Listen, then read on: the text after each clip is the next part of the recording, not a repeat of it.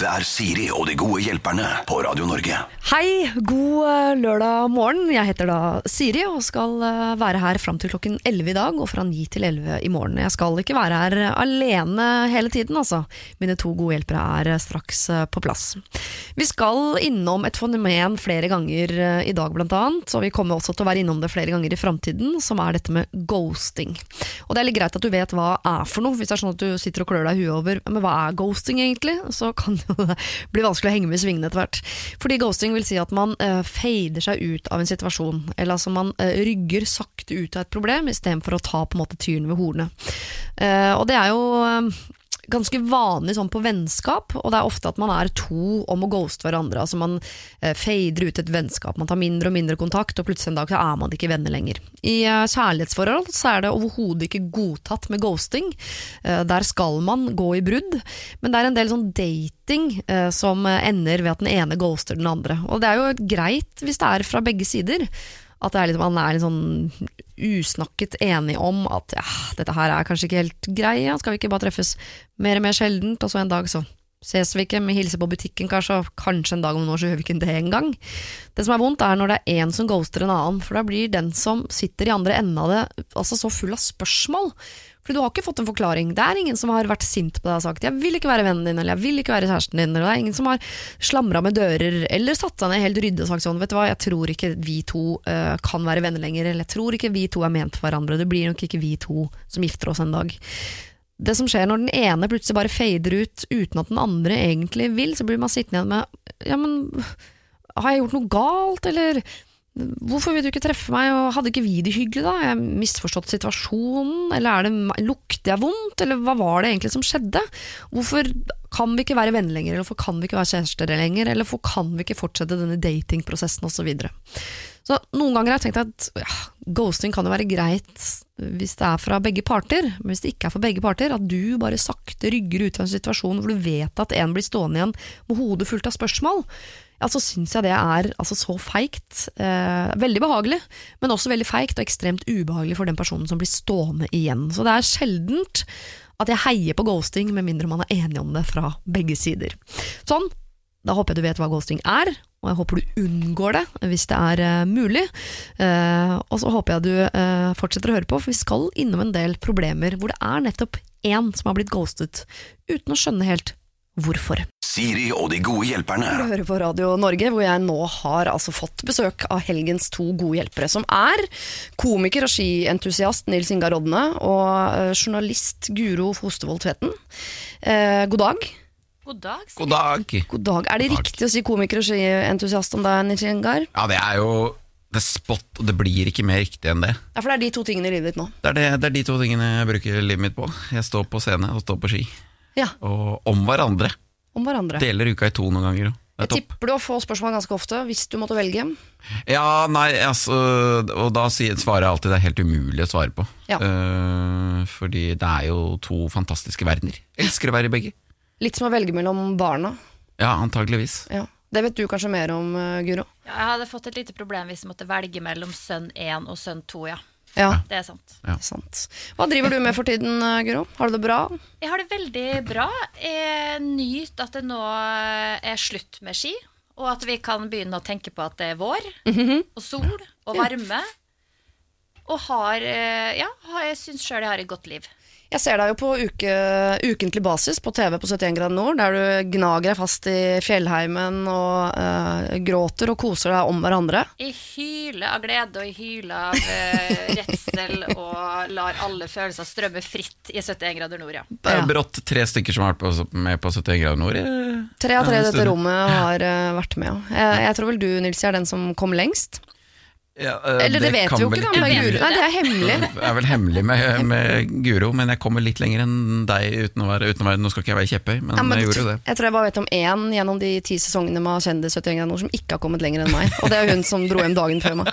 I samme, altså samme program. Ja, jeg skjønner. Ja. Fra samme lag. Vi var to som bare paia ut. Sånn ganske greit. eh, Men det er ganske tøft. Ja da, absolutt. Nilsen, Det er ganske tøft. tøft. Ja, ja, det er, det er, det er, det er tøft, faktisk. Ja. Det er jo det.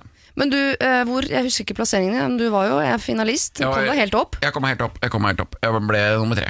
Så jeg, jeg gikk ut før øh, jeg gikk ut på fin- finaleetappen før dette nettet, liksom helt der oppe. Men Ja. jeg, da sto jeg, og da var jeg fornøyd. Jeg kom til Nordkapp og sto og så på de Ja, det er stort. fighta i det Det er nettet. stort. Det var gøy. Ja. Hadde du turt å gå ut i det nettet? Ja, det hadde jeg. Ja, det hadde du. Men det er ikke, jeg vet ikke hvor bra jeg hadde gjort det, men jeg hadde turt det. Ja. Jeg er til å spørre deg, Guru om du var i nettet, men det har du ikke lov til å svare på, antageligvis. Eh, nei, jeg kan eh, si så mye som eh, at eh, jeg har vært i kontakt med nett. Ja, ok. Ja. Et Ja. eller annet nett har du vært i kontakt med i løpet av kan 71 være, det kan være nett før finalen. Ja, jeg hadde nett på første episoden, jeg gikk ikke uti. Ja? Gjorde ikke det. Men la oss ikke snakke så mye om 71 grader nord, annet enn at jeg skal følge med på det framover. For jeg er jo eh, altså svoren fan, som seer, først og fremst. og følger med på både vanlig og kjendis hvert eneste år. Eh, ellers, Nils Ingar, går det bra med deg? Ja, det, det skjønner jeg at du spør. Det er mange som spør Ja. hvordan det går med meg etter, eh, etter det som skjedde i fjor høst. Jeg mista jo samboeren min da, eh, og valgte å være åpen om det, og nå går det bra. Går det Jeg bra. bruker tid da på de to tingene humor og ski, Ja. og får det til å gå, livet går videre. Sånn. Så det er mye fine folk rundt meg, sånn, så det, det går bra. Men føler du at du må si noe når du går på scenen for eksempel, på et event? Når du kommer inn til Nord Arena og skal underholde, Ja. må du liksom si Jeg er jo Telenor nesten merke. Nei, men øh, jeg, øh, jeg sier det ikke så ofte på event, det gjør jeg. Men jeg har sagt det noen ganger på scenen. Ja. Det kan være fint, det. Altså, sant? Jeg gjorde det veldig mye i starten, ja. sånn at ikke folk satt og tenkte på det. Tenkte at hva skal vi, hvordan skal vi forholde oss til at han står der? Kan vi le? Kan vi le i det ja, er det uhøflig i det hele tatt le når han er i nærheten? Ikke Altså, sant? sånn type ting. Det er noe med det. Vi skal eh, jo gi råd og prøve å hjelpe så mange vi kan. Nå to timer i dag og to timer i eh, morgen. Jeg har funnet fram noen veldig fine problemer til dere. Tusen takk til deg som sender inn. Fortsett med det. Adressen er sirialfakrøll radionorge.no. Siri og de gode hjelperne. Send oss en e-post på siri at radionorge.no. Vi skal ta uh, lørdagens første problem, uh, dere. Uh, her, det er sendt inn fra en som vil bli kalt for Triste Sorven. Bare for å sette stemninga. Ja. Hei, Siri og de gode hjelperne. Jeg har blitt ghostet av min aller beste venninne gjennom 20 år. Vi har vært der for hverandre i opp- og nedturer, men nå er det nok slutt. Begynnelsen på slutten var at venninnen min fikk seg ny kjæreste, og raskt ble det klart at alle avtaler med meg ble avlyst, omrokert osv. Litt såret tok jeg dette opp etter noen måneder, og med lovnad om at det skulle skjerpes, men ingenting skjedde. Etter en hyggelig dag i fjor sommer sammen med mange gode venner hjemme hos meg, ble det helt stille. Altså helt stille. Det var ingenting som tydet på at det var noe galt da vi skiltes, men i etterkant ingen SMS, ingen telefoner, ingen svar på forsøkt kontakt. Og det er ikke noe godt å oppleve det, jeg vet ikke hva som skjedde, og jeg opplever at det er vanskelig å gi slipp på henne. Jeg kommer meg ikke videre. For meg er dette en sorg, og det har blitt på grensen til at jeg blir deprimert, for jeg kjenner en uro i kroppen, jeg bruker mye tid på å lure. Vi er begge godt voksne damer i 40-åra, og jeg har gjort det jeg kan for å oppnå kontakt med henne i flere kanaler, men det er ingen respons. Så oppsøkende virksomhet er vel ikke helt aktuelt. Og Triste Sjormer lurer på øh, hvordan hun skal komme seg videre med dette. Eller hvordan hun skal ha, øh, finne ut av dette. Hun har mista venninna si, hun aner ikke hvorfor. Og det skjedde i forbindelse med at hun fikk eh, kjæreste, denne andre venninna. Mm. ja. Og så er det en eller annen middag, da, hvor det tydeligvis øh, har et eller annet beger som har rent over, men det, hun kan ikke huske at, at det har skjedd noe i denne middagen. Men etter den middagen har det vært null kontakt. Det er veldig Det var mystisk. Det, det, det er mystisk. Det er Ja. akkurat det der. Det er veldig mystisk. Ehm, nei, det er jo litt vanskelig å, å, å, å gripe det an, for hun spør jo ikke om hun skal ta kontakt, for det har hun jo gjort. Masse. Mm. Eller i hvert fall flere ganger, virker det som. Ja. Så det er jo, det er jo ja, Enten så må hun jo legge det bak seg, eller så må hun prøve å ta kontakt på andre måter. da Eller ta ta kontakt på til- andre rundt henne, eller ja. Jeg tror vi skal ta stilling til to ting. Kanskje først må vi ta stilling til Skal hun eh, bare eh, akseptere at venninnen her tydeligvis ikke vil ha kontakt, og gå videre i livet sitt? Eller skal hun ikke akseptere det, og eh, så må vi finne en annen måte hun kan eh, angripe dette på? Jeg mener at hun ikke kan akseptere det, for det er som, en, eh, det er som et brudd med en kjæreste, da, der du aldri fikk beskjed om hvorfor det ble et brudd, og da er det veldig vanskelig å komme seg videre. Så jeg, jeg tenker at, eh, at hun må på en eller annen måte eh, forhøre seg, kanskje med noen andre rundt denne venninna. da. Kanskje hun skulle rett og slett ha ringt til denne nye kjæresten. Og Ja, det- det kan og sagt- gjøre. Ja, og sagt at vet du hva, hør her. Eh, eh, det er mulig at jeg setter deg i en vanskelig situasjon nå, men, eh, og du kan velge om du vil svare eller ikke svare. Men det her oppleves som veldig vanskelig, for vi har hatt et veldig nært og veldig eh, i vennskap som har betydd mye for meg, og nå har vi ingenting med hverandre å gjøre, og jeg skjønner ingenting. Og jeg har Nei. lyst til å vite, har jeg gjort noen ting, har jeg sagt noen ting?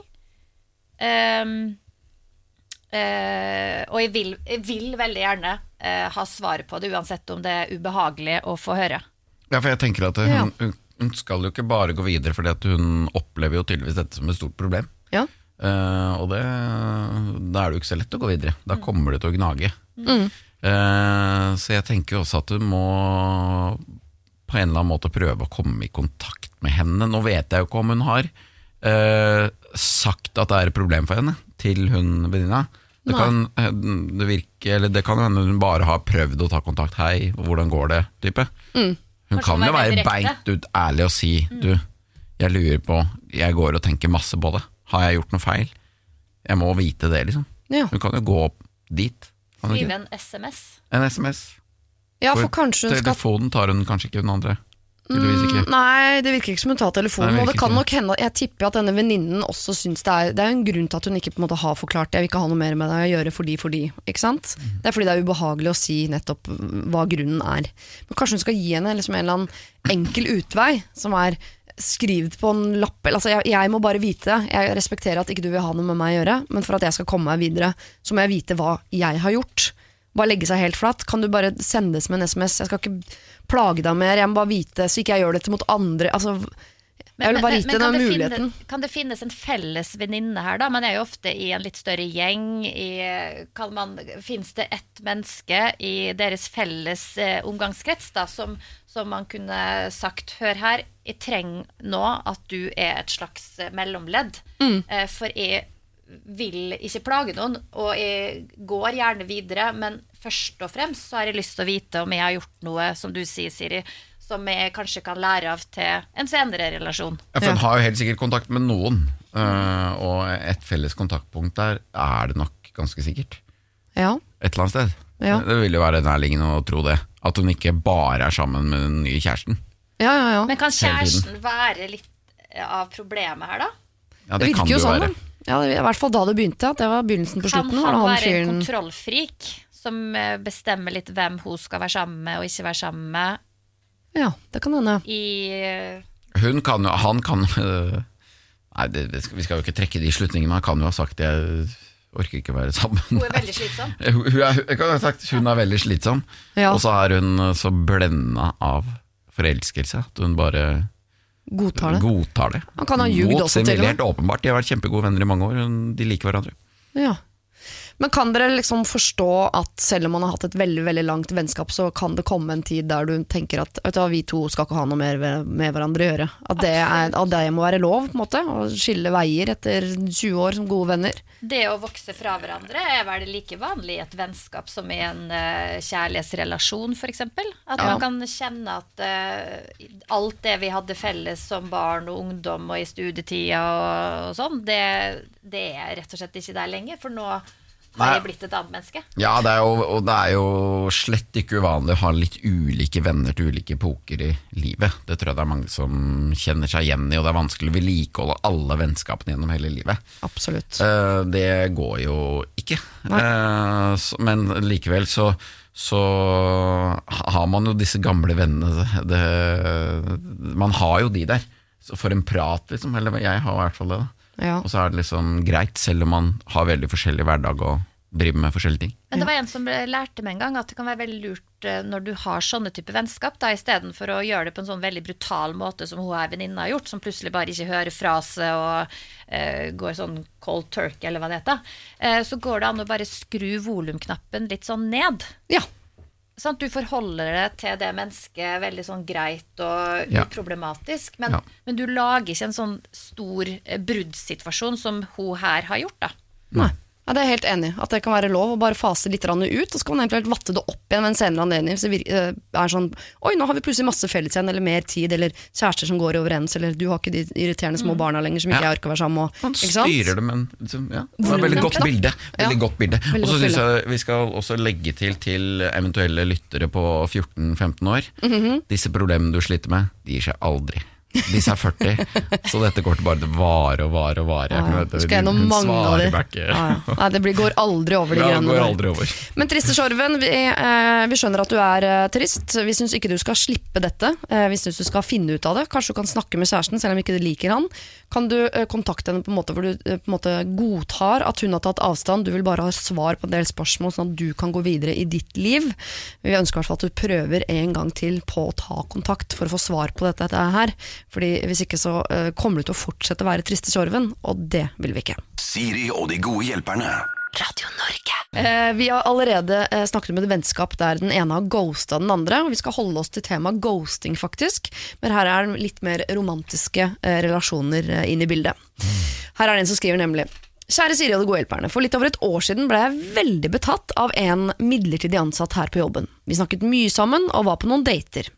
Så skulle han i praksis et halvt år i en annen by, men vi fortsatte å holde kontakten og la planer for hva vi skulle gjøre når han kom tilbake.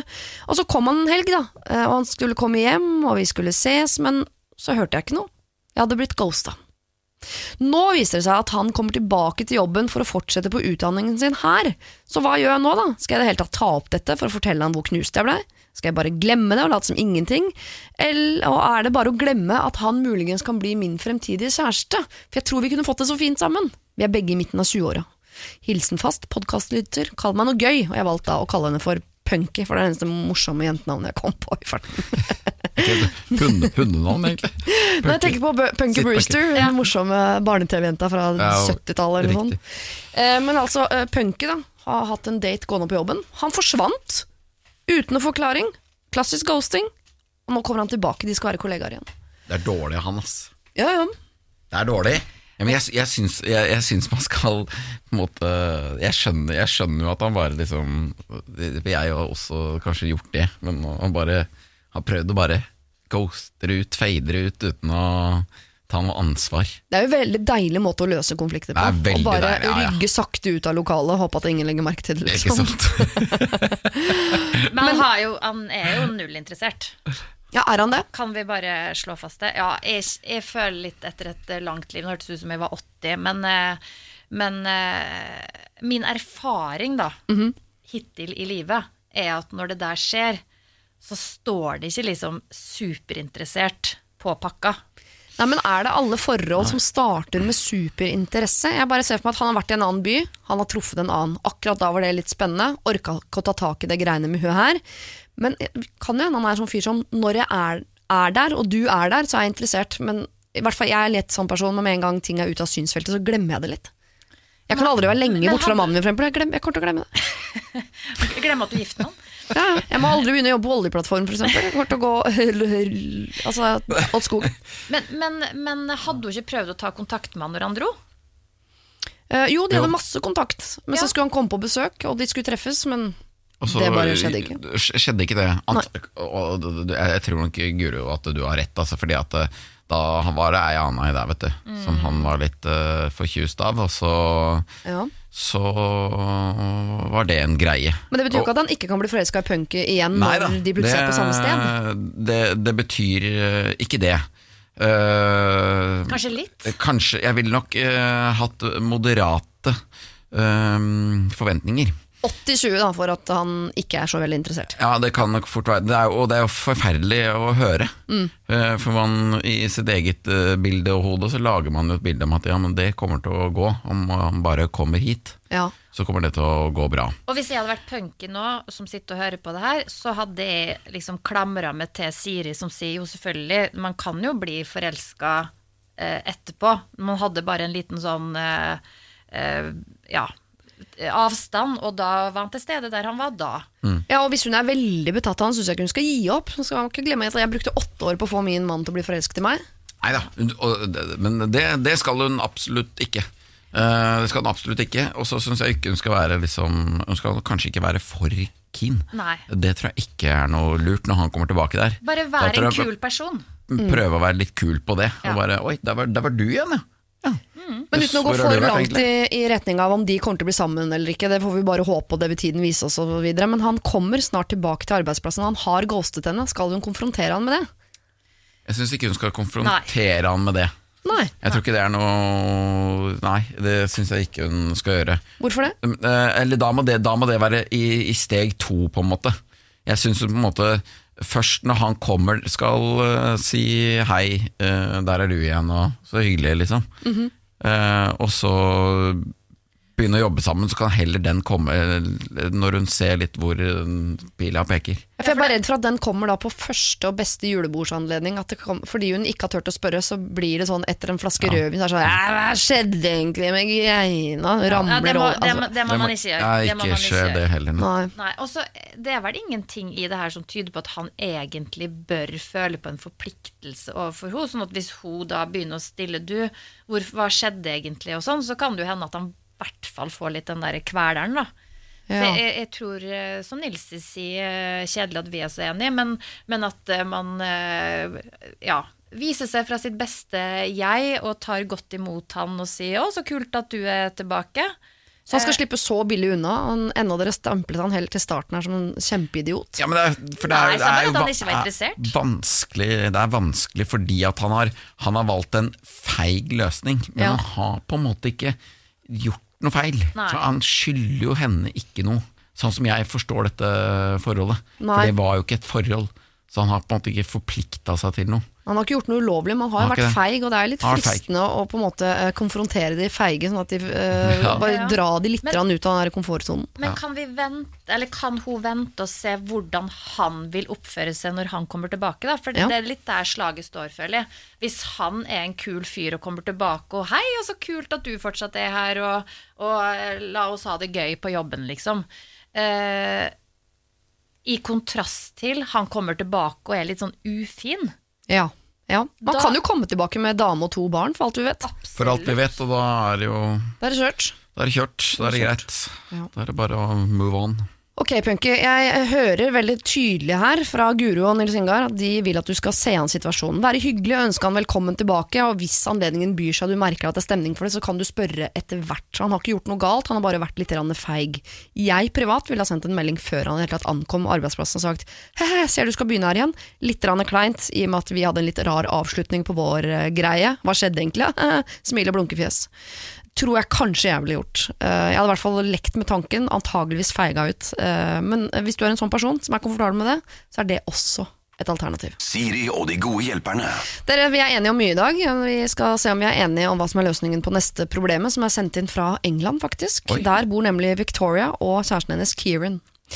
Jeg er en jente på 37 år som jobber som sykepleier og er bosatt her i England. Jeg har en britisk kjæreste, og vi har vært sammen i fem år. Han er 35, og her er problemet.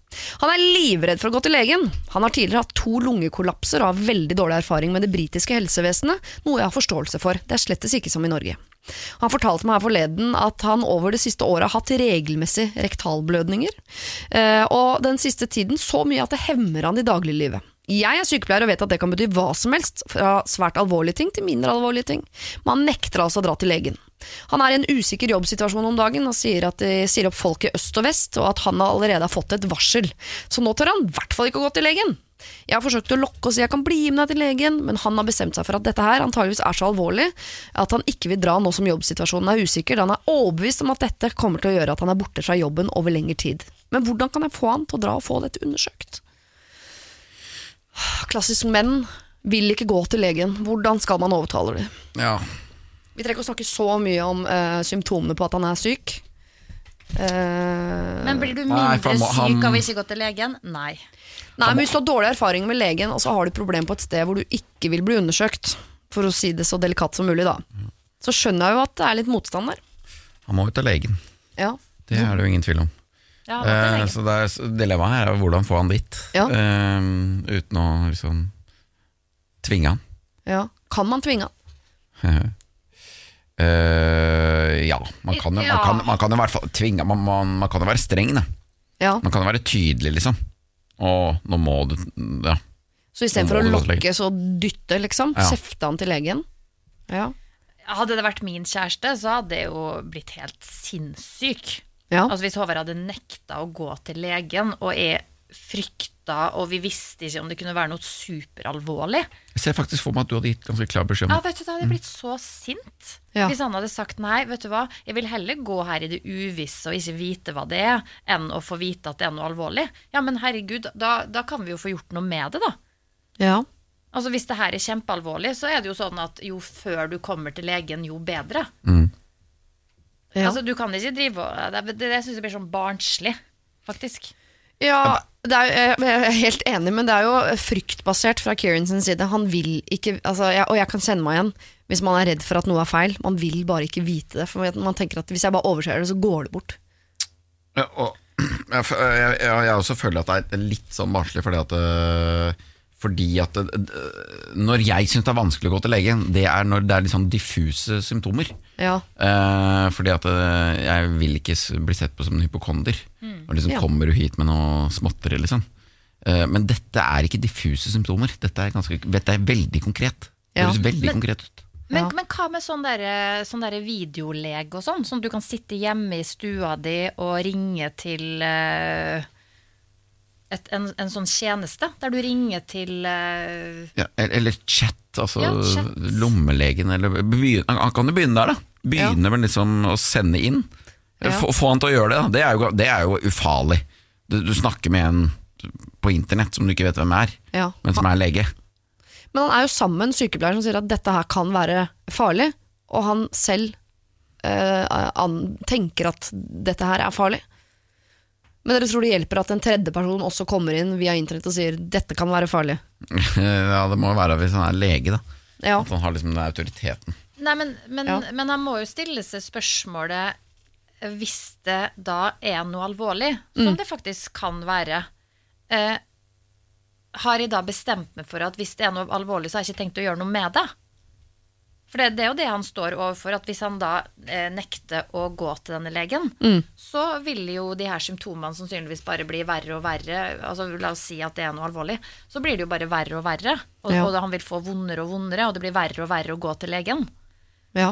Ja, også, og det, er, er selvfølgelig et stort problem her at han ikke har tillit til det britiske helsevesenet. ja. Eh, Og det, det er vanskelig for oss å vite og sette oss inn i det, da. Men eh, hvorfor han ikke har det og, og sånne ting. Men, men eh, jeg tenker at det skal det, er- jo også så konkrete symptomer at det skal vel mye til at de liksom ikke undersøker det. Når det er så mm, ja, når, det, når det blør fra steder. Kan hun bare Jeg ville eh, satt av eh, Om jeg så skulle tatt opp forbrukslån, satt av penger og bestilt time på en privatklinikk og krevd at han gikk dit for noe med sånn Å ja, du er redd for å miste jobben din. Jeg er redd for at du mister livet. Jeg syns jo det er eh, mer verdt å beholde livet enn å beholde jobben. Og av respekt for meg, da, skal, skal jeg miste deg bare fordi du ikke gidder. Er det eh, viktigere for deg å slippe å ha en finger i rumpa enn å eh, mm. ja, Jeg hadde blitt altså så eitrende forbanna. Ja, jeg er helt enig med det. Jeg, jeg tror på en måte du kan bare snakke og lokke og holde på så mye du vil. Jeg tror vi må over i tvangslandskapet her. Men det er jo litt det du gjør med barna dine når, når de ikke har lyst til tannlegen. Det er ikke sånn at du sier 'Å, ja, men da lar vi bare være, da'. Nei, nei. Altså, du, du sier jo da enten 'Ja, men da får du litt ekstra iPad-tid', eller eh, Altså, du gjør jo alt som står i din makt for å få de inn den døra der. Ja. Og, og når han oppfører seg som et barn, så må du kanskje gjøre det samme med han, da. ja. Behandle han som et barn og Vi bruke drar til Maldivene hvis du drar til legen. Ja, Fortsatt litt lokking ja, inni der. Eh, Jeg tror du må Victoria, både bruke lokking og trusler her. Du har tydeligvis med en eh, litt barnslig fyr å gjøre. Eh, Et barn, egentlig, men som er, det er fryktbasert. Han gruer seg, han vil ikke vite. Han vil heller ikke ha den undersøkelsen. Det er forståelig. Men her tror jeg du må gå litt hardere til verks. Kreve at han drar til legen. Bestille den timen, kanskje betale for den. I tillegg kjøpe en tur til Maldivene hvis du har muligheten for å lokke han. Så må du bruke både tvang og eh, lokkemidler. Siri og de gode hjelperne. Radio Norge. Helgens gode hjelper har fått seg en eh, pause, fordi jeg vil eh, rette blikket tilbake mot den eh, helgen hvor Espen Lind og Ingebjørg Bratland var her sammen med meg som gode hjelpere. Da prøvde vi å hjelpe en jente som het Anna, som hadde vært ja, i beste fall litt naiv, fordi hun hadde kjøpt noen billetter til en utsolgt Unge Ferrari-konsert. Hun hadde overført pengene, men ikke fått billettene, og hun hadde mast og mast om å få disse billettene. Det var stadig nye unnskyldninger, og til slutt viste at han hadde ikke billetter. Man skulle tilbakeføre pengene. Men disse pengene de også uteble, og hun maste og maste, og det kom ingen penger. Eh, Hun lurte etter hvert på hva hun skulle gjøre videre. Skulle hun bare anse disse pengene som tapt, eller skulle hun fortsette å mase? Skulle hun ta kontakt med kompisen hans, eller hvordan skulle hun gripe an situasjonen? Dette problemet ga jeg da altså, altså til Espen Lind og Ingebjørg Bratland, og her er noe av det de mente var riktig å gjøre. Ja, For ikke sant, Det enkleste er jo bare å si ok, du dreit skikkelig på draget, for det var eh, ganske idiotisk eh, gjort, så da må du bare ta på egen kappe og, og eh, ja. Ja, men for Det høres ut som hun vet hvor han, hva han heter, eller hun har nummeret hans. og- Jeg Ja. veit hvor hun bor. Ja, men altså, det må da finnes en eller annen sånn lokal MC-klubb som kan inndrive det her, og så tar de halvparten av summen. Ja, Han skylder meg 700 kroner. Hvis dere drar bort han og bare henter dem, så får dere beholde 350. Det tar dem ti minutter. Kjører Ja. innom på vei til MC-jobben, liksom. Og ofte vet du, så er de så greie, de der gutta i sånne MC-klubber. De er egentlig utrolig søte og snille og greie, så det kan godt hende at jeg bare syns så synd på den 19-årige jenta at eh, hun får hele summen. Dette er jo ikke lovlig, men jeg er frista til å bli med på det greiene der. Men det er lovlig å. Det er jo bare besøk, Sving innom, på en måte. Ja, Det er jo en gråsone, men altså, det er teknisk sett uh, altså, Så lenge alle er enige om at han skylder henne penger, så er det jo ikke ulovlig å be om å få de pengene tilbake. Det er jo ingen som, som skal komme med noen sånne helt konkrete trusler om uh, Om hva som skjer videre. Legems beskadigelse sånn. I det hele tatt snakker vi jo ikke om. Men Nei. bare en slags Selvfølgelig, det ligger jo et eller annet i lufta. Ja. Dette var Espen Lind og Ingebjørg Bratland som var mine gode hjelpere den eh, 23. og 24. februar i år. Og det du hørte altså var et utdrag av hva de mente var riktig å gjøre når du har kjøpt billetter eh, som du ikke får, og du får heller ikke pengene tilbake. Fått ny mail fra denne jenta som vi har kalt Anna, hvor hun skriver Takk for gode råd. Jeg har lært leksa mi, for å si det sånn. Det blir nok lenge til neste gang jeg kjøper konsertbilletter på den måten. Men heldigvis har det ordna seg. Det ble ingen MC-gjeng, men jeg brukte mine stalking-ferdigheter og fant samboeren til denne mannen. Tok et screenshot og sendte det til han med en fin liten passiv-aggressiv melding hvor det sto har, ikke fått på konto, har jeg ikke fått penger på konto over helgen, kommer jeg til å sende samboeren din en melding og be henne om det. Så hun blir nok stolt av å vite at du driver og svindler 19-åringer på Facebook. Hva skjedde? Jo, samme dag tikket det inn penger. Så takk for all hjelp. Jeg tror både jeg og han har lært oss en lekse. Hilsen Anna. Herregud, det er jo genialt. Jeg er liksom lei meg for at jeg ikke har kommet på det selv. Dette er en fantastisk måte å løse dette problemet på. Og jeg tror du har helt rett. Jeg tror du har lært en lekse, og jeg tror han også har lært en lekse. Har du problemer, så send det til sirialfakrøllradionorge.no. Har du tilbakemeldinger på ting du har fått hjelp med tidligere, så bruker du samme adresse. Vi setter så stor pris på å vite hvordan det går med dere. Radio Norge. Men nå skal vi altså til en som eh, jeg har valgt å kalle for eh, Maja. Maja ønsker å være anonym, og hun er altså del av en søskenflokk på fire i alderen 22 til 28. Problemet her er mammas nye samboer gjennom de siste tre årene. Han er skikkelig egoistisk, frekk, og kommer med slibrige, ekle kommentarer til Toas, altså jentene i gjengen, når han drikker. Hele søskenflokken har flytta hjemmefra, så det er ikke hverdagslige ting vi merker så mye til, men eh, mer ved sammenkomster hvor han er til stede. Da drikker han seg sanseløst eh, full og ødelegger stemninga. Vi har alltid hatt et veldig tett forhold til vår mor, men dette har bleknet veldig gjennom disse årene. Mammas samboer ødela jula fullstendig i 2017, og siden vi feirer jul med mamma annethvert år, så skal vi jo dit i år også. Eh, Noe egentlig ingen av oss har så veldig lyst til, nettopp på grunn av han. Vi tror ikke at mamma selv ser problemet, og siden hun har bikka 50, så vil hun heller ikke gå fra han i frykt for å ikke finne seg noe bedre enn noe hun absolutt kan. Hun vet eh, at eh, verken vi, besteforeldre eller hennes nærmeste venninner liker denne mannen. Men hva skal vi gjøre? Skal vi sette et ultimatum på at vi kommer ikke på julefeiring i år så lenge han er der, eller så må hun velge at han ikke er der? Eller skal vi ikke si noe bare for ikke såre mamma? Det er ikke bare ved jul dette er et problem, altså. det er også ved vanlige familiemiddager osv. Og, så og han kommer neppe til å slutte å drikke. Hjelp! Maja kaller jeg da henne.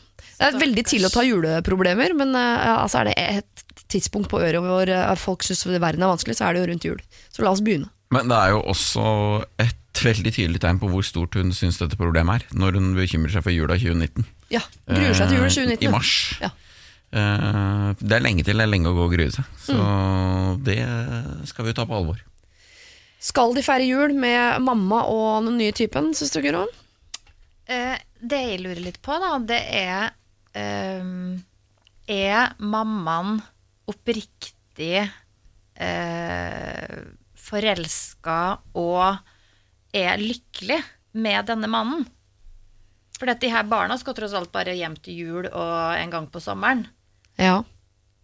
Det kan godt hende de er det, men skal man allikevel tilbringe eh, jula eh, med han fordi Nei, jeg, jeg mener at det ligger altså, Det er jo tydelig at det her har med alkohol å gjøre. Ja. Eh, hun sier at han kommer nok aldri til å slutte å drikke, men hvis de her fire søsknene sier til mammaen sin Nå er det faktisk sånn at vi har så lyst til å komme hjem til jul og feire den sammen med deg. Og vi er veldig glad for at du har møtt en person som du er glad i. Mm. Men vi kan ikke feire en jul til hvis han skal drikke alkohol. Nei.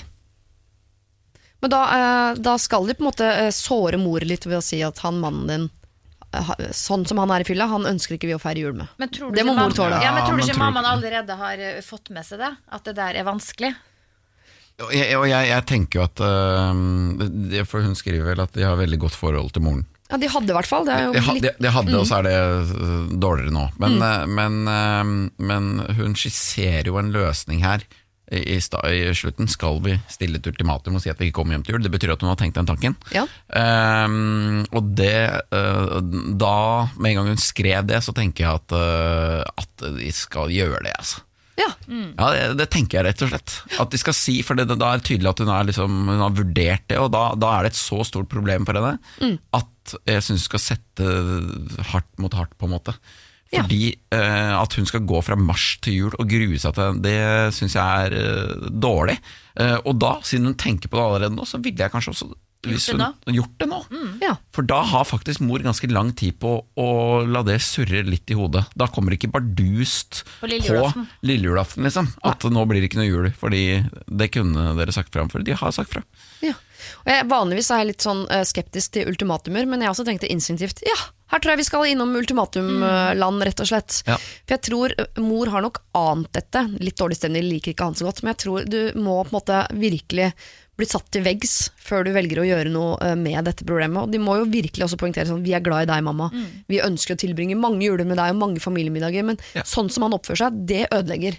Og vi respekterer valget ditt av mann, men dette kan ikke vi feire jul med. Nei, og, og det er akkurat det de må si. Og de, de må si at dette er vanskelig for oss. Det er vanskelig for oss å, si, å, å gå til det steget og si at vi ikke kommer hjem til dette jul. Det er det- ikke enkelt for oss. Nei, dette er ikke enkelt, for, for vi har kjempelyst til å feire jul med deg, Ja. men det går ikke sånn som han. Og det er vel egentlig snilt mot mamma også, for resultatet hvis de ikke gjør det, er at de sklir enda lenger og lenger og lenger og lenger bort fra mor. Ja. Og, og så plutselig har hun ikke noe godt forhold til barna sine. Og nå er de 22 til 28, plutselig er de over 30-åra, og alle skal ha unger, og de har ikke lyst til å komme hjem til jul så hun får sett barnebarna sine, og de vil ikke at han skal passe. Det Dette blir bare større og verre Ja. og vondere. Ja. Det er akkurat det Det er som er, det. poenget. For det her er folk som eh, plutselig sitter med to barn hver. Ja. Og det å komme hjem med barn eh, til et hjem der det drikkes alkohol på den måten der i jula, det er ikke greit. Nei.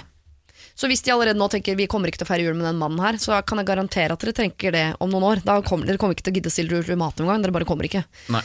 Så eh, jeg er helt enig. Eh, gjør som Nils Ingar sier. Eh, ta det ultimatumet, og ta det nå. Ikke ta det bardust lille julaften, liksom. Da har mor muligheten til å la dette mørne i hodet. Kanskje han har muligheten til å ta seg sammen, hvis hun tør å si det til han, og det må hun jo. Han kan ta seg sammen. Kanskje han gjennom de neste månedene nå kan vise at han er en kan oppføre seg ordentlig, ikke drikke og være en hyggelig fyr. Kanskje på sikt kan begynne å like han. Og så håper jeg dere i hvert fall på sikt blir eh, like glad i moren deres igjen som dere var før denne mannen kom inn i livet hennes. Det er ikke ofte jeg sier det, altså, at det er ultimatum som er løsningen, men her, Maja, så skal du faktisk eh, ringe din mor, eller dra hjem til henne, og stille et ultimatum for jula 2019. Radio Norge. Vi har allerede snakket om uh, at vi alle tre har vært med i 71 grader nord. Eh, Nilsi, du var med for uh, fire år siden. Øh, han ble usikker sjøl. Det er noe Ja, sånt. Noe sånt. Mm. Ja. Eh, Guro, du er med nå. Eh, og Derfor så hadde jeg lyst til å spørre dere, bare sånn for å varme opp før vi tar tak i andres problemer, uh, så skal jeg da lage et fiktivt problem i deres liv. Ok. 2020. Dere må være med på et reality-program til. Dere kan velge mellom Farmen og Skal vi danse. Men dere må velge. Vi må velge. Det er ikke lov å si ingen, men det er lov å si begge. Da virker man jo litt grann gæren. Ja. Bitte, bitte, bitte lite grann. Du kan begynne, Nilsi. Å ja, det, det er jo veldig vanskelig. Uh, men uh, Um, uh, Fordi begge får- virker så grusomme? ja, Man får ikke vite om de andre deltakerne. Nei, Nei, det får du ikke. det får Men du har jo skjønt casten. Det er en som er gæren og en som er grei. Det er jo samme greiene hvert år. Ja, det er jo det. Det er noe mer er gærninger på Farmen enn i Skal vi danse. på Kanskje om jeg da skulle krype til korset og kanskje vært med på Skal vi danse. Altså. Ja. Fordelen med å være med på Skal vi danse nemlig er at du lærer å danse, som er kanskje er litt artig å ta fram i et bryllup i ny og ne. Ja. Mens Jeg lærer jeg det. vokste opp på en gård, jeg kommer ikke til å lære en dritt på en gård, jeg kan det. Du kunne eisa Farmen da, hvis du har vokst opp på en gård. Ja, Nå skal det sies at de driver en gård som er 1800-tallet, det er jeg ikke vokst opp på. Nei, du er ikke oppvokst på 1800-tallet. Nei, ikke det. Nei, men, Men- da men kunne det- det jo blitt en sånn ufyselig Trude, Mostu-type som er sånn 'jeg kan det, flytt dere'. Ja. Jeg hadde ikke kunnet det, da, men øh, Nei. Men jeg hadde jo øh, Jeg hadde skjønt konseptet går. Ja. Ja. Men du velger her- parketten. Men det her er jo glamour mot eh, liksom havrelefse. Ja. Uh, Og du skal være glad hvis du får havrelefse. og jeg kjenner etter 71 grader nord at kanskje har vært deilig med glamour. Ja. Uh, vi har jo sovet i det teltet i noen uker alle sammen, uh, på, på tur. Ja, bortsett fra det, Siri, som fikk prøve det bare bitte lite grann. Uh, men du har fått testa det. Og det kjennes akkurat nå, da, så tett på 71 grader nord, så kjennes det litt fristende med den der glamouren. Men Ja. samtidig, å bo på den der gården og Kose med kattunger. kose med kattunger og melke ku, og det ser jo litt idyllisk ut òg. Ja. Du hadde jo kledd Skal vi danse, da. Du, føler du det? Ja, det føler jeg. Du er jo liksom øh, Du vet å legge ned en innsats i, i trening. Du er jo en flott dame. Nilsi? Herregud. Du, Du hadde naila. Skal jeg gå ut av rommet, eller hva skjer? Er det noen fra Skal vi danse som hører på? Ring Tusen Tveten. Ok, nå har vi altså uh, begge uh, hjelpere uh, som velger parketten framfor fjøset. Ja, men jeg, ikke ring meg med det første Nei, vi, vi har vi har ikke det, det var et dilemma. Vi måtte Ja, ja, jeg står med pistol mot tinningen deres. Det er ikke noe sånn Å, det er ikke et frieri. Det er altså De måtte velge, eh, og begge velger altså Skal vi danse. Dere skal få slippe å ta eh, så mye valg framover nå. Vi skal tilbake til eh, andre folks problemer. I To timer nå med problemer vi skal dypdykke i. Hvis du har egne problemer og har lyst til å sende inn, så gjør for all del det. Da bruker du Siri alfakrøll radionorge.no. Siri og de gode hjelperne. Send oss en e-post på siri at radionorge.no. Vi skal til en som har funnet drømmemannen, men bak enhver drømmemann så er det et menn, og det er det også her. Jeg skal gifte meg om knapt et halvt år, og vi er åpne om absolutt alt, noe jeg setter veldig pris på. Mitt forrige forhold endte med brudd pga. eh, pornoavhengighet fra hans side. Jeg følte meg rett og slett byttet ut, og etter det så eh, endte, så sa jeg til meg selv at dette her skal jeg ikke finne meg i i mitt neste forhold. Pornoproblemet var noe jeg tok opp tidlig i forholdet med drømmemannen. Han sa at det der er ikke noe jeg trenger å se på, men etter et år kom det fram at eh, eh, dette er noe han har sett mye på. Han var veldig lei seg da han fortalte meg det, og selvtilliten min havnet igjen rett i bånn av bøtta. Jeg ville ikke vise meg naken foran han på lenge, øh, men han lovet at han aldri skulle se igjen. Men så nå, da, et år senere, så forteller, eh, han at han har begynt å se på det igjen. Ikke hjemme, mest på jobb. Det jeg reagerer mest på er, eh, i den perioden, er at han har eh, jo aldri tatt på meg i denne perioden, og det får meg til å føle meg så forferdelig, og nå er dette da blitt en stor diskusjon hjemme. Så jeg lurer på, skal jeg la han få lov, eller skal jeg stå på mitt? Vi har snakket mye og lenge om dette, men jeg blir liksom ikke enig med meg sjøl. Jeg vil jo ikke miste følelser for drømmemannen min. Dette er det eneste jeg har bedt han om å gi opp i dette forholdet. Er det jeg som er gal, eller burde han stoppe? Eller skal jeg avlyse hele bryllupet? Hjelp! Hilsen hysterisk jente som ikke vil miste drømmemannen. Jeg har valgt å kalle henne for eh, Klara, eh, og det Klara lurer på er om hun skal um, la mannen fortsette å se på porno, om hun skal uh, nekte han det, eller om hun skal bare droppe hele bryllupet. Her var det mange ting, Nilsi. Ja, var det, her var det mange ting, altså. Ja. Ehm, uh, det, det var det. Det var jo øh, på jobb. Ja. Jeg ser han på hva slags jobb er han da? Bare se på porno. IT-bransjen antakeligvis. Ser for meg IT-bransjen. Ja, jo Ja. Konstant tilgang til skjerm og internett. Ja, ja. Øh, mest på jobb, ja vel.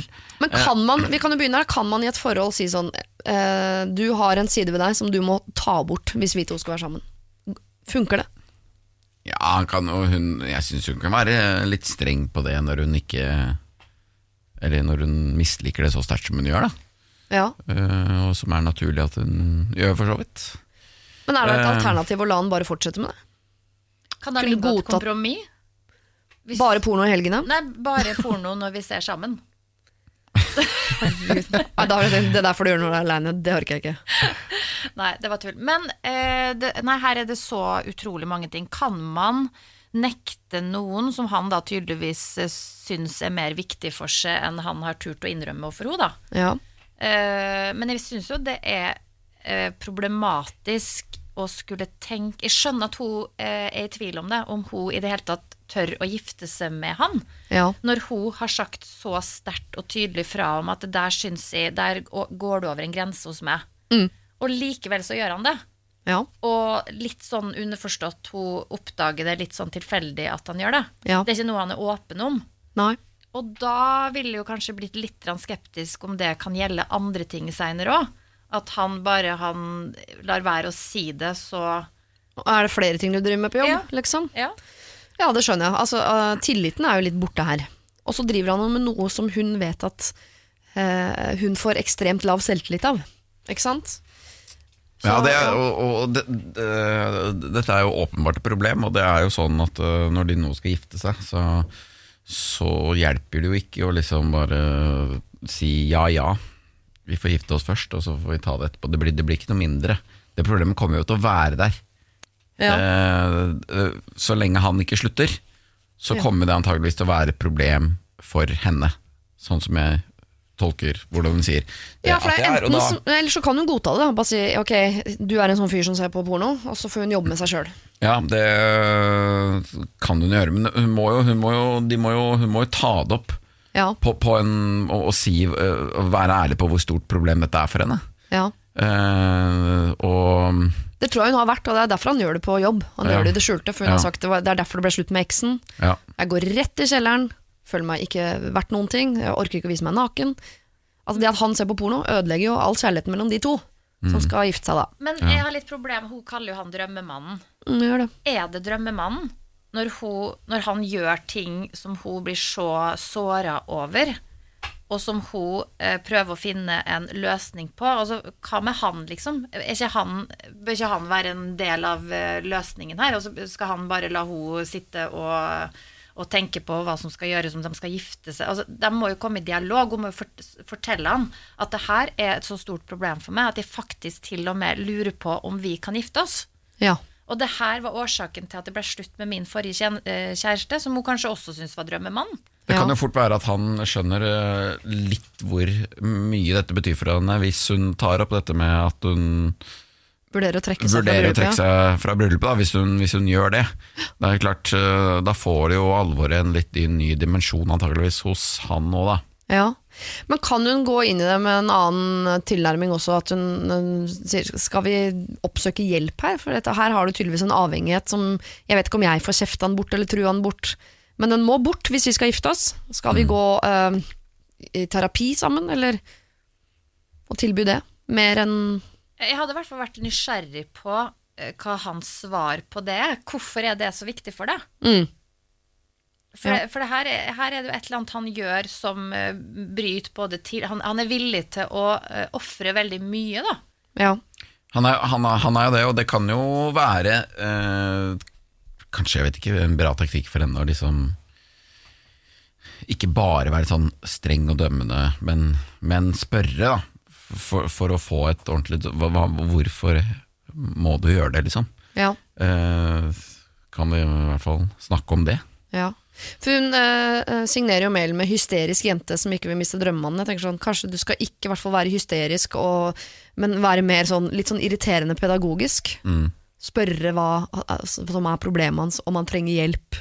De tingene der, Se om det fungerer bedre, om det kan være hans vei ut av det. Men vi er jo, sitter jo en gjeng her som er skeptiske til denne mannen og dette bryllupet. Det må vi Ja, bare er- innrømme. ja, Selv om alle drømmer man har et eller annet ved seg som, som man gjerne vil pirke bort. Om det er fra uh, veldig lite alvorlige ting som dårlig klessmak, til at de ser på porno, eller at de uh, røyker hasj, eller utroskap down the line. Eller, altså det, det er mange ting eh, en drømmemann kan drive med som han ikke liker. Spørsmålet er bare om han er villig til å gi opp sin ting nå, før dette bryllupet. Det syns vi han må. Ja, og det forsvinner i hvert fall ikke for det at man gifter seg. Nei.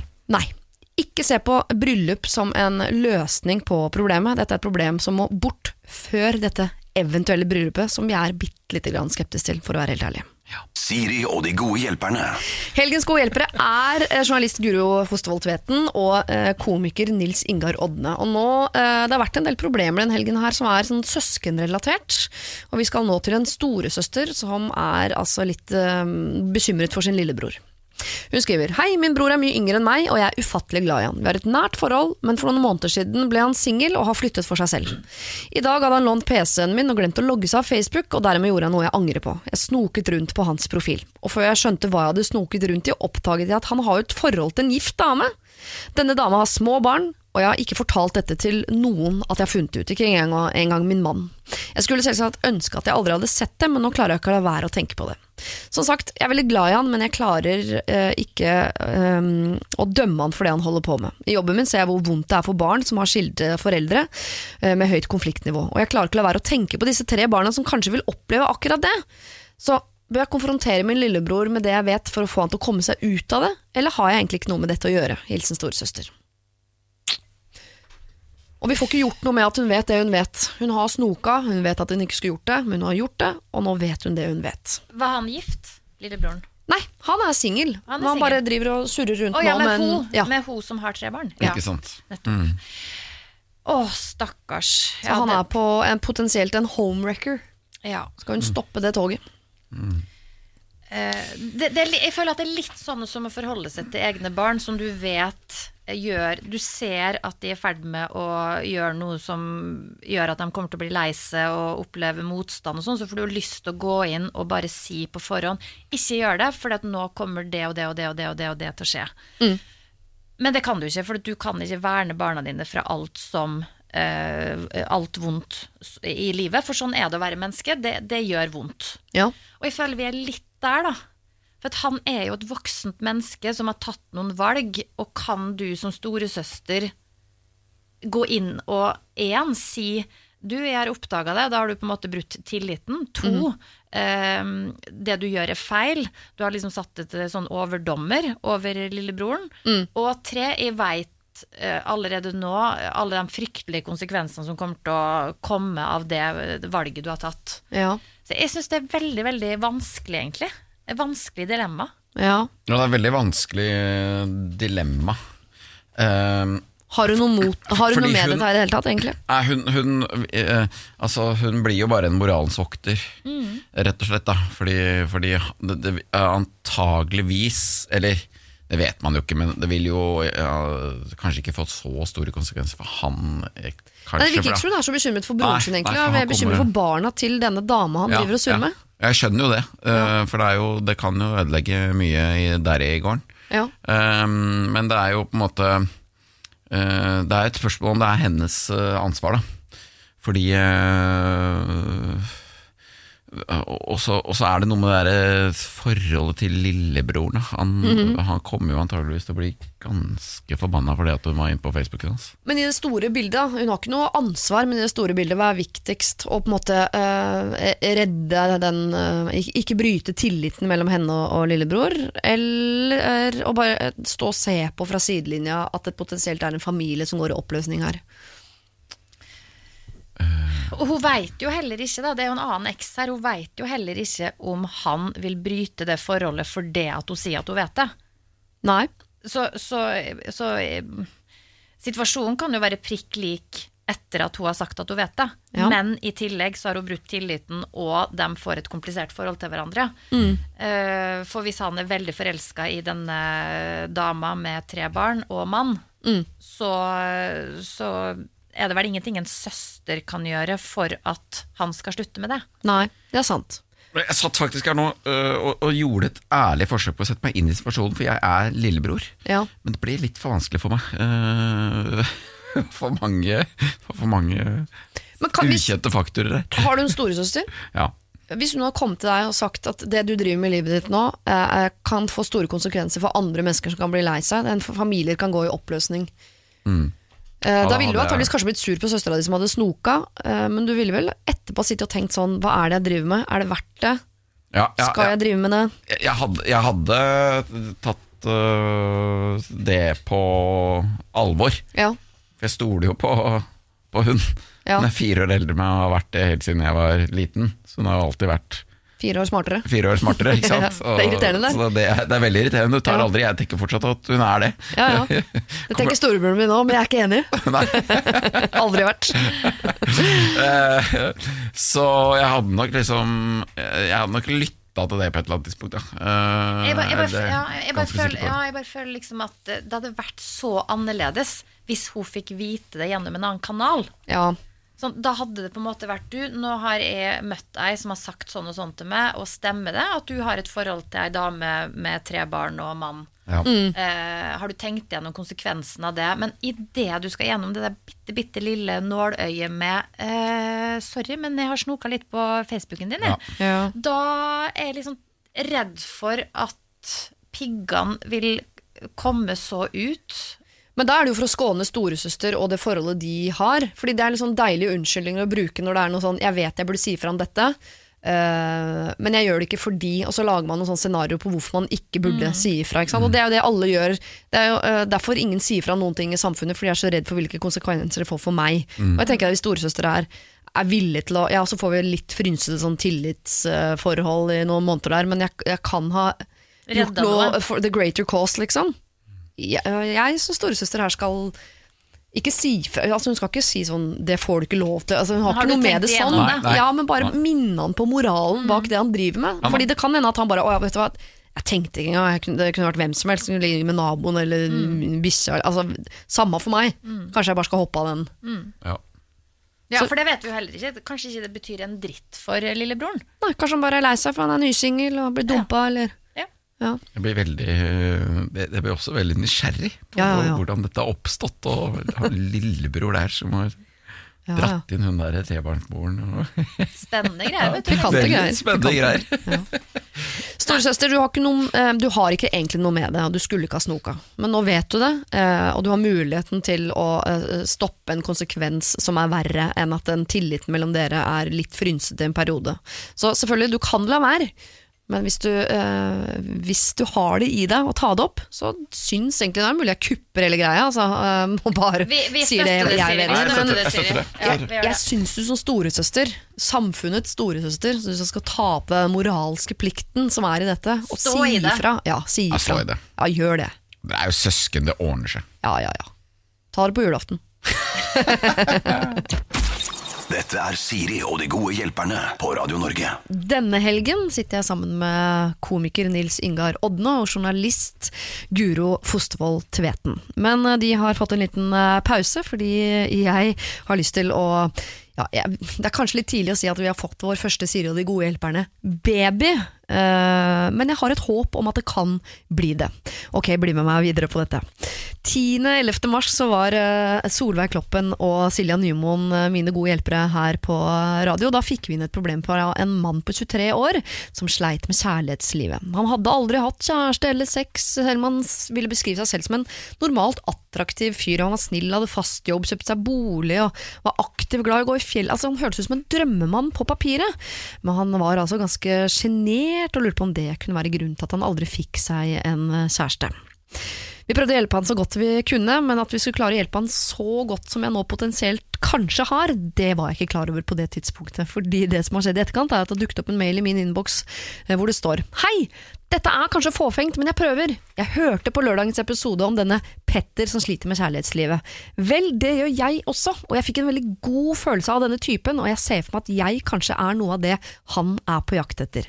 Så nå lurer jeg på om du kan formidle min mailadresse til han, så han kan ta kontakt hvis han vil. Jeg er 31 år gammel, kvinne, bor i Oslo, og jeg håper på hjelp. Og har jeg altså gjort det? Jeg har sendt denne kvinnens mailadresse til denne mannen som jeg har døpt Petter. Og de er da altså to single mennesker i Oslo by som er på jakt etter kjærligheten, som anser seg selv for å være attraktive unge mennesker på jakt etter det samme. Og for alt jeg vet, så uh, møtes de i dette øyeblikk. Kanskje de faller pladask for hverandre, kanskje hun flytter inn i det huset han har kjøpt, kanskje alt bare faller på plass. Det hadde vært helt, helt fantastisk. Eneste jeg kan gjøre er å krysse fingrene, håpe og vente på nok en mail i min innboks der de skriver sammen med sin egen kjærlighets-e-post, hvor de bretter ut om hvor fantastisk de nå ser på framtiden sammen. Åh, jeg var ikke klar over at vi hadde disse mulighetene. Herregud, hva vi kan gjøre på radio. Jeg håper dette går eh, bra, og jeg håper at du blir så inspirert av dette at du tenker de folka der, de skal hjelpe meg. I så fall må du sende en mail. Sier iallfall radionorge.no. Radio Norge. Og nå skal vi til et eh, Kanskje ikke et problem, men mer et uh, livsvalg som kan bli problematisk hvis man velger feil. Så her skal dere da, Den byrden legger jeg på dere, rett og slett. Det er Bente som skriver Hei, jeg har bodd i en av Norges største byer i fire år nå. Jeg syns det er en veldig fin by, og har alltid sagt at jeg aldri skal flytte herfra, i hvert fall ikke en centimeter lenger nord enn der jeg egentlig er oppvokst. Men de siste månedene har jeg endret litt mening. Jeg lengter tilbake til der jeg er oppvokst, to timer lenger nord enn her jeg bor nå. Tanken på å selge leiligheten min i storbyen og kjøpe noe på hjemstedet mitt gjør meg glad, samtidig som jeg blir redd for at det går for fort og at jeg vil komme til å angre. Jeg tror ikke det er et alternativ å flytte tilbake til storbyen igjen, da jeg er veldig dårlig på å holde kontakten med folk, så jeg tror at nettverket mitt her bare vil visne. Tingen er at jeg har funnet drømmeleiligheten og er usikker på om jeg bare skal kaste meg ut i det og flytte. Jobb ordner seg, det ser ikke jeg på noe, som noe problem. Men er det for tidlig å flytte hjem? Jeg er i min beste alder, altså 25, og jeg er redd jeg vil angre og råtne i den lille byen i nord. Takk for eventuelle svar, kall meg Bente. Skal Bente bli boende i storbyen? Artig at han holdt det liksom for seg selv hvor dette var geografisk. Det var veldig, Ja, veldig hemmelig. Ekstremt anonym. Veldig anonym. Ja, ja. Jeg tipper vi står mellom Trondheim og en by to timer lenger nord. Mm, I frykt for å være dårlig geografi her. Eh. Tromsø. Ikke Tromsø. Det blir litt for kort. Det, Er det for kort? Fra at, at det Trondheim, er to, er to timer fra Trondheim, ja. Det er jo ikke to timer altså, Det er jo en time fly. Ja. Det er jo Tenkte du at du kjørte fra Trondheim til Tromsø på to Nei, timer? jeg tenkte fly. Ja, du tenkte fly, ja. Ok. Ja, ja. Men det er ikke to timer fly mellom der, nei. Nei, La oss ikke henge oss opp i geografien. det er det ikke. Og det er vel ikke to timer fly hun, hun uh, tenker på, er det det? Det virker rart. Ja, det det, er er, kanskje det. det er vel to timer med, med bil, sikkert. Med bil, ja. ja. Det er bil man snakker om da. Ja. Ja. Men skal hun bli i storbyen, eller skal hun flytte ut på landet eller til en mindre by? Hjem, liksom. Hun høres jo egentlig ikke helt klar ut. Til å flytte hjem. Altså, nei, hun, hun virker litt sånn eh, Kanskje hun skulle vært litt mer eh, overmoden for eh, oppgaven før hun flytter bort fra storbyen. Ja. Samtidig så kan det jo være for Ofte er det sånn at man flytter hjem når man har eh, funnet eh, partneren sin. Ja. Men det kan jo hende at Hva om hun i denne storbyen treffer en partner som bor to timer lenger sør? Det er for seint, får aldri flytta hjem. Det er sant. Ja, det, det, det er for så vidt sant, men jeg syns hun er for ung. ass 25. Jeg syns Jeg syns hun skal være i byen, være i, by- og, og, og kjenne på det. Uh, og Det er jo da det er fint å være der. Uh, og den hjemmeplassen, den, eh, den er sikkert ganske lik om ti år. Uh, Så den, den er der. Den kan du bare liksom Drømmeleiligheten er til salgs nå. Ja, akkurat. Ja, men den kommer tilbake hvis hun er klar for det. Men, men aner vi en liten sånn uh, nyanse av noen forventninger fra noen som bor på hjemstedet hennes? Åh, ja, nei, Det virker som hun bare akkurat nå romantiserer det der med å flytte hjem, har sett Ja. drømmeleiligheten på Finn. Du må skru av det autosøket da, på drømmeleiligheter Ja, på det må hjemplassen. du, det må du ja, det, skru det må av. Det Og så har hun sikkert akkurat vært hjemme til jul, vet du, og så var det veldig fint og idyllisk, og alle satt og kom på kaffeslabberas, og det var så lettvint og alt. Du, er, du når alt på to minutter, som du gjør i små byer, da. Ja, ja. Og så kom hun hjem igjen til kaos og ja. ja. Så mist, da, Motelse, og så hvis hun flytter, så mister hun den følelsen av å komme hjem. Det er alltid godt å komme hjem. Du trenger ikke være redd for den følelsen. Jeg er ganske sikker på mange kjenner på liksom komme hjem eh, til der du er oppvokst. Og liksom, ja, det var, her var det deilig, liksom. Ja. Uh, men, uh, men Og så er eh, 25 eh, Ja, du kaller det din beste alder. Jeg syns 25 kanskje var det tidspunktet i livet som var verst. Helt enig. Og det er jo da man føler at de valgene jeg tar nå, er så ekstremt viktige. Det er nå jeg liksom Mm. tar valg som skal vare livet ut. Og Sånn er det ikke nødvendigvis, men den Nei. følelsen er så så Jeg tror man kan ta noen ekstremt dårlige valg i den perioden der, fordi man ilegger det så enorm mm, vekt, liksom. Da. ja. Hjemstedet hennes vil jo alltid være der. Ja. Uh, og jeg er enig med det. Når du er 25 år, så tenker du Jeg tenkte sånn da jeg var russ. Jeg tenkte bare det jeg ikke vet nå, det er det ikke verdt å vite. Jeg følte meg så utlært og gammel. Og, men det viste seg jo det at det var veldig usant. Ja. Eh, Og det er litt sånn jeg føler når du er 25 år, at da er du kanskje ferdig med studiet, du har fått deg jobb og sånn, og da føler du liksom at ja, men nå eh, er jeg så voksen at nå må jeg begynne å ta de der, der type valga. Ja. Men bli i storbyen. Og bare øh, ikke liksom øh, Jeg er helt enig med. Den perioden er 22, 23, 24, 25 Herregud, Kjedelig, Ja, det, vanskelig. er- det er vanskelig. Det er, vanskelig. det er synd å si det, men det er litt vanskelig fordi, nettopp fordi at du tenker at nei, nå må jeg stake ut kursen for hele resten av livet. Ja. Det må du ikke. Resten det toget, det går ikke eh, i en alder av 25. Jeg fikk barn da jeg var 36, liksom. Ja. Ja. Og pluss at den, der, eh, den tida fra du har tatt de valgene og landa på det der stedet eller ikke, og, og ut, er så utrolig altså Jeg hadde så hetta her om dagen. Jeg skjønte at jeg er jo halvveis i livet, og det er dette. Resten ut, liksom. Tenk Ja. alt som har skjedd fram til nå, men eh, nå er det, nå, nå er det dette. Man kan få litt hette av det. Altså, man må ikke flytte til sånn forblåst sted i en alder av 25, singel, bo i drømme, hva, drømmeleiligheten. Du er jo lei etter Men hun kan jo kjøpe, hvis hun har råd, så kan hun jo kjøpe drømmeleiligheten og leie den ut. Og så kan hun heller bruke litt mer penger på å dra hjem, da, på en langhelg og litt mer enn bare jul og øh, fem dager på sommeren, liksom. Kanskje hun kan være på hjemstedet sitt, som hun har et så idyllisk forhold til, litt mer. Ja. Og da får hun kanskje også et mer realistisk forhold til hvordan det er å være på hjemstedet. Ja, for jeg tenker at det er for lenge øh, hvis det er, for, hvis det er lite, veldig lite. Da. Ja. Det er for tidlig. Det er for lenge. Ja, I hvert fall for en sånn som henne, som helt åpenbart har flytta til byen. Og jeg tror hun liker det. Virker Ja. som hun liker det. Ja. Bente, jeg vanligvis er jeg den som sier sånn Ikke reis, øh, flytt hjem, ta de fornuftige, kjedelige valgene. Altså, så jeg trodde at jeg skulle lande på sånn Ja, herregud, så flytte hjem og flytte hjem. Kjøpe drømmeleiligheten, høres veldig nydelig ut, det, da. Men det er noe som øh, instinktivt vekkes hos øh, Nils Ingar og Guro. Som er sånn Nei, du er for ung, du kan ikke flytte nå, du må bli i byen. Ikke flytte hjem. Og jeg har blitt smittet av det. Vi tenker øh, at øh, det der med å flytte hjem, det kan vente. Dra på litt lengre besøk, litt oftere besøk. Romantiser det der med å reise hjem, men ta så bli i byen noen år til. Siri og de gode hjelperne. Lørdag og søndag fra 09.00 på Radio Norge. Eh, vi skal til et veldig veldig kort problem, Oi. eh, men som har vart veldig veldig lenge, eh, og vi vil at det skal holde opp. Eh, her er det en eh, kvinne som ønsker å være anonym. Eh, hun er 32 år og skriver altså så kort og greit som Jeg er 32 år, er i et fast forhold, men har aldri hatt orgasme. Kan jeg fortelle det til han? Eller, eh, eller skal jeg bare finne ut av det på egen hånd, spør hun. Det er tydeligvis et litt nytt forhold. Fått en ny type, aldri hatt orgasme med noen, ei heller han. Ikke, all, ikke, med han, ikke med noen andre. Nei, aldri opplevd. Skulle hun innlemme han i det problemet, på en måte? Eller skulle hun si det nå? Eh, Vet du hva, jeg, jeg må bare si jeg, jeg tror kanskje, Hvis det her er et veldig ferskt forhold, så tror jeg faktisk at jeg ville ha gått og uh, snakka med en lege, liksom sjekka litt ting rundt det. Uh, sexolog altså, Jeg tror jeg kanskje jeg hadde sjekka det litt sjøl først. Jeg tror Ja. ikke det første jeg hadde gjort før jeg hadde sjekka noe som helst, hadde vært å si det til kjæresten min. Nei. Ikke? Nei, kanskje ikke. Nei, men, men, men, men eh, motsatt. Jeg hadde, jeg hadde jo oppsøkt noen veldig fort Ja. for å finne ut av det. Så jeg slapp å leve i um, løgn. Ja. Ja, for hvis hun først begynner, da må hun jo ikke fake noen ting Nei. fram til det. Nei, det blir litt hardt. Ja, fordi da hadde jeg følt meg lurt i etterkant eh, som gutt. Eller hun kan jo da velge eh, å bare finne ut av det på egen hånd. Men jeg bare tenker at det er en grunn til at hun ikke har opplevd det. Det kan en lege finne ut av.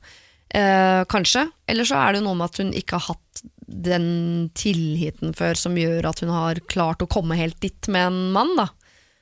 Og da er det jo dumt å begynne på ny runde nå med en ny fyr uten å bygge opp den tilliten som kanskje trengs. Ja, vet du hva, jeg, jeg, jeg er helt enig. Vet du hva, Hun må fortelle det til han. Eller, Det, men, det må jo være mye lettere å fortelle det eh, når hun aldri har hatt det. Det hadde vært mer, litt mer kinkig hvis det bare var med han. ja. Ja. Eh, for da kunne jo han følt veldig på det, da. Ja, for Hvis en jente mens, har sagt det til deg, Nilsi, ville du ja. følt det som en sånn ok, eh, prestasjonsangst, alt blir vanskelig. Tenk sånn ok, eh, dette er en oppgave. Jeg går inn i det med hud og hår, dette skal vi klare sammen, jenta mi. Jeg hadde jo følt det, jeg hadde, eh, jeg hadde i hvert fall følt det som en veldig tillit at hun hadde fortalt det. ja, det er sant. Eh, så da har jeg tenkt sånn Det står respekt av, liksom. Eh, Ja. og tenkt at eh, nå da, da, nå har vi noe bra på gang her, holdt jeg på å si. Man føler jo liksom, hvis man deler sånne ting, at man er veldig nære. Da. Ja. Eh, og jeg hadde ikke følt det som så, Siden vi ikke har hatt det før heller, så hadde jeg tenkt at det Det hadde vært verre hvis det oppstod nå. Ja. Ja, det er mye verre, det. Ja. Ja. De er jo kjærester allerede, så de har jo da antageligvis Det må være lov å si i 2019 at hvis man da først er kjærester, så har de antageligvis ligget sammen noen ganger allerede. Ja. Så kan jo hende allerede nå på en måte har latet som noen runder, da. Så den, den er litt kinkig. Ja, det, må vi jo, kinkig. det må vi jo kanskje anta, siden Ja. hun ikke har fortalt det. Mm. Eh, nei, vet du hva? Eh, jeg er en dårlig hjelper, for jeg har jo gått da fra ett svar til et annet. Men jeg er litt enig med deg, Siri, at jeg tror kanskje at hun eh, Og kanskje hun ville blitt litt overraska og positivt hvis hun velger å være åpen om det til han. Ja. For det sier noe om, om tilliten hun har til han, da. Ja, Men altså- når snakker man om det, da? Fordi at jeg, jeg, det syns jeg er vanskelig nok å kommunisere om vanlige ting i et forhold. Eh, Å s- snakke om sex syns jeg virker som en umulig oppgave. ja, ja. Eh, når tar man det? Rett før sex? Midt i? Rett etter? Eller i en helt nøytral situasjon på en onsdag? måte? Nøytral med litt vin, kanskje? Ja, Ja, Kanskje. Etter, kanskje. Ikke før. Da, er, da blir det ikke noe. Rett før. Nå merker jeg at det begynner å skje noe her. Har bare en liten beskjed fra sidelinja. Men det er litt kjipt rett etter òg. Ja, det er litt kjipt rett etter òg. Men nå skal det jo legges til at Eller, eller historien sier jo ingenting om at hun Det kan, kan jo fortsatt synes hun at, at, at, at hun syns det er ålreit å ha sex med han. Ja. Selv, om- Ja, ikke jo, sant? jo, Selv om hun ikke får orgasme. Men, men, men jeg tror kanskje at i det hun sier at eh, sånn er det liksom å være med, eh, det har jeg aldri opplevd før, og det gjør jeg ikke nå heller. Men jeg har veldig lyst til å se om det går an å ordne opp i det. Eh, og jeg vil at vi skal være sammen om det. For jeg tror ikke hun kommer til å få det, dessverre. Jeg tror, al- altså, du kommer til å få det en eller annen gang, det håper jeg. Men jeg tror ikke du får det med han hvis ikke du innlemmer han i problemet. Jeg tror ikke Nei. du alene finner ut av dette her i senga med han mens Nei, nei, han er helt uvitende om problemet. Det tror jeg virkelig ikke. Nei. Du må ha hjelp av han og sannsynligvis noe ekspertise. Ja. Ja, ja, ja, akkurat det skulle til å si. Jeg ville gjort begge deler. Jeg ville fortalt det til han, kanskje først. Så ville jeg kanskje spurt noen som har grep på det. ja. Og jeg tror det kan være et sånn utrolig kult samarbeidsprosjekt også, hvor man blir utrolig godt kjent. Jeg tror du må ha inn humor, jeg tror du må ha inn hjelpemidler. Jeg tror du må uh, ha inn liksom, en forventning om at en del av disse samleiene kommer til å bli avbrutt. Fordi, altså, jeg tror du må bare gå inn i det som et sånt uh, prosjekt, uh, der du er entreprenør bak prosjektet, men du er helt avhengig av de andre som er med også. Altså Mr. Little Dildo og Mr. Boyfriend og alle de andre, de må være med i prosjektet, men du er entreprenøren bak. Er du ikke enig? Ja? Jo, men ja, det, det, det, hvis du klarer å få litt sånn galgenhumor inni deg, det, Ja. og du klarer liksom å se litt humoristisk på at det her er et prosjekt, Mm. så tror jeg det kan komme noe veldig bra ut av det, faktisk. Hørtes ut Ja. som du hadde litt lyst til å være prosjektleder for uh... At jeg Ja. skulle være prosjektleder i dette, stå på sidelinja i kommandoer eller et eller annet. Ja, ja. Jeg er jo en god hjelper, jeg også. Jeg er jo det. jeg kan bidra. Men jeg tror jeg er helt overbevist om at dette er noe dere må snakke om. Dette må begge vite. Hvis ikke så kommer du i senga til å tenke så mye på dette som bare du vet. Den hemmeligheten, den distansen mellom dere. Du kommer til å tenke bare på det. At øh, frøken der nede hun kommer til å melde seg helt ut. Og når hun melder seg ut, da er det ikke noe orgasme i, i så langt øyet kan se. Altså. Sånn er det bare. Håper du får det til. Eh, Jeg pleier å si send meg en tilbakemelding på hvordan det går. Det sier jeg også eh, her. Jeg vil gjerne ha en mail om dette. eh, Og så håper jeg at det blir et fellesprosjekt der du er entreprenøren bak, for dette må snakkes om. Men du må også snakke med noen som har peiling på det, altså en lege, en sexolog osv. Lykke til. Radio Norge. The Beatles hadde vi her med Let It Be. Og plutselig ble jeg oppmerksom på et problem i livet som jeg ikke har tenkt på før. Jeg vet jo godt hvem The Beatles er, og plutselig føler jeg på sånn at jeg har et ansvar for å fortelle barna mine om The Beatles. Ja. Har jeg det, eller? Ja. Ja, Et moralsk ansvar overfor musikkhistorien, ja, liksom. det er ikke så mange artister man har det ansvaret for, men akkurat Beatles er en av dem, føler jeg. Ja, for de må også neste generasjon få med seg. Ja. På en eller annen måte. Ja, men Da skal jeg fortelle barna mine om, om The Beatles. Eh, helgens gode hjelpere skal få sitt siste problem. Det er da eh, komiker og skientusiast Nils Ingar Rodne og journalist Guro Fostervold Tveten. Nå skal vi til en kvinne på 51 år. Hun er gift og har voksne barn selv. Eh, du kan finne på et fint navn til meg, sier hun, og jeg har valgt Nikoline. Jeg vokste opp i en familie hvor vi er fem søsken, to jenter, tre gutter, og jeg er i midten av denne flokken. Så langt tilbake som jeg kan huske, så har den ene broren min vært en drittsekk mot meg. Han har vært ekkel i kjeften og rett og slett mobba meg i oppveksten. Jeg kan ikke huske at han har vært grei eller sagt noe pent om meg noen gang. I tenårene var alt galt. Jeg kledde meg feil, jeg sminka meg feil, jeg var styggere enn mine jevnaldrende venner, noe som ikke var tilfellet. Jeg var populær jeg blant venner og gutter.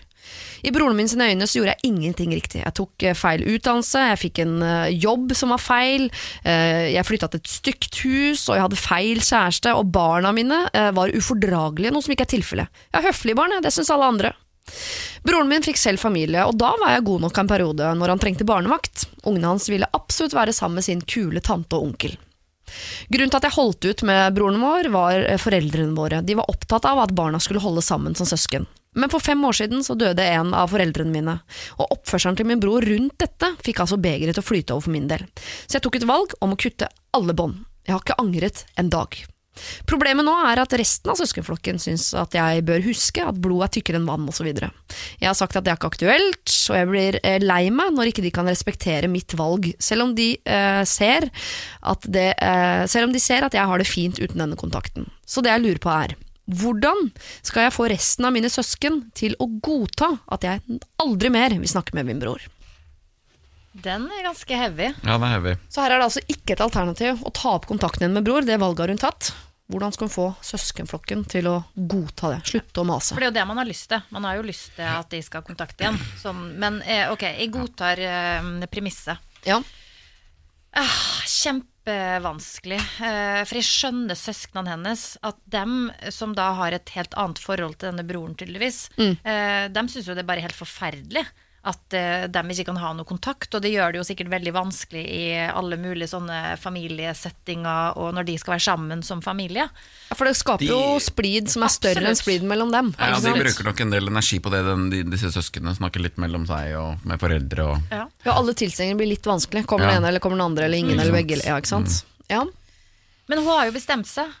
Den energien han fører inn i livet hennes, vil hun ikke ha noe av. Og alle og, og det er det jo en viss forståelse for, da hvis det har vært sånn som hun sier. I, i alle år liksom, Han har eh, helt klart hadde behov for å sette seg over henne da, og markere. Og Hadde dette vært en venn eller en nabo eller en kollega, eller sånt, så hadde jeg sagt herregud, kutt ut han for bestandig. Og så er det det der litt, som jeg, litt irriterende argumentet om at blod er tykkere enn vann. Som jo Ja. Ja da, er jo det, men er man drittsekk, så er man drittsekk, liksom. Men, men har hun prøvd å virkelig For det, hvis det for søsknene hennes da kan virke som at eh, det er en litt sånn snurt eh, søster som bare Nei, jeg nekter å ha kontakt med han, jeg. ja. Sånn. Har hun virkelig satt seg ned med hver og enkelt av dem og forklart litt hvordan hun føler det, og hva slags følelse hun har hatt i kroppen gjennom hele livet? Da hadde det kanskje vært lettere for dem å eh, godta det. Hvis de hele tida føler litt at ja, men når hun bare slutter å være sur nå, eller slutter å være liksom fornærma, så går det nok over. Men kanskje hun rett og slett må trykke litt på og forklare hvordan, hvor alvorlig hun har syntes at det her har vært, da, eller hvor stort det har vært for henne, hvor mye det har fylt hos henne. Ja, og jeg tenker jo at hun må, hun, hun må få respekt hos dem for det problemet sitt. Ja. Uh, at uh, Hvor stort det har vært for henne gjennom, gjennom alle år. For det, det, det er jo det er viktig, veldig viktig for hennes eh, del av den historien at hun ikke blir den vanskelige her. Uh, for da, for da, som er da taper hun, på en måte. ja. Da er hun både den vanskelige og hun har brutt den kontakten hun skaper. Da er det bare hun som skaper det problemet. Ja, for jeg ville, jeg ville vært lei meg dette, fordi jeg ble sittet og kjent på sånn Å ja, så plutselig så er det jeg som er den slemme her. Ser dere ikke at jeg har tatt et bra valg i mitt liv for meg fordi han har vært slem?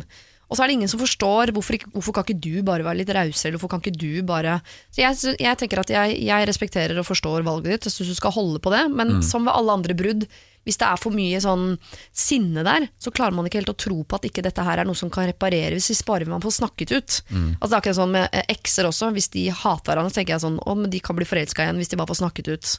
Mye bedre hvis hun hvis hun klarer å være helt avslappa og rolig på det. Jeg kan møte han i en bursdag. Plager ikke meg. Han er luft for meg. Er ikke noe problem. Altså, At hun tar ned liksom hissighetsnivået på det for at de skal skjønne at, at hun bare har gått videre i livet, at hun er lykkelig. Hun må vise at hun, at hun er på et bra sted uten han. Ja, Og så er det kanskje lettere for dem å akseptere det hvis hun ikke er så bastant på at hun resten av livet aldri skal ha kontakt med han.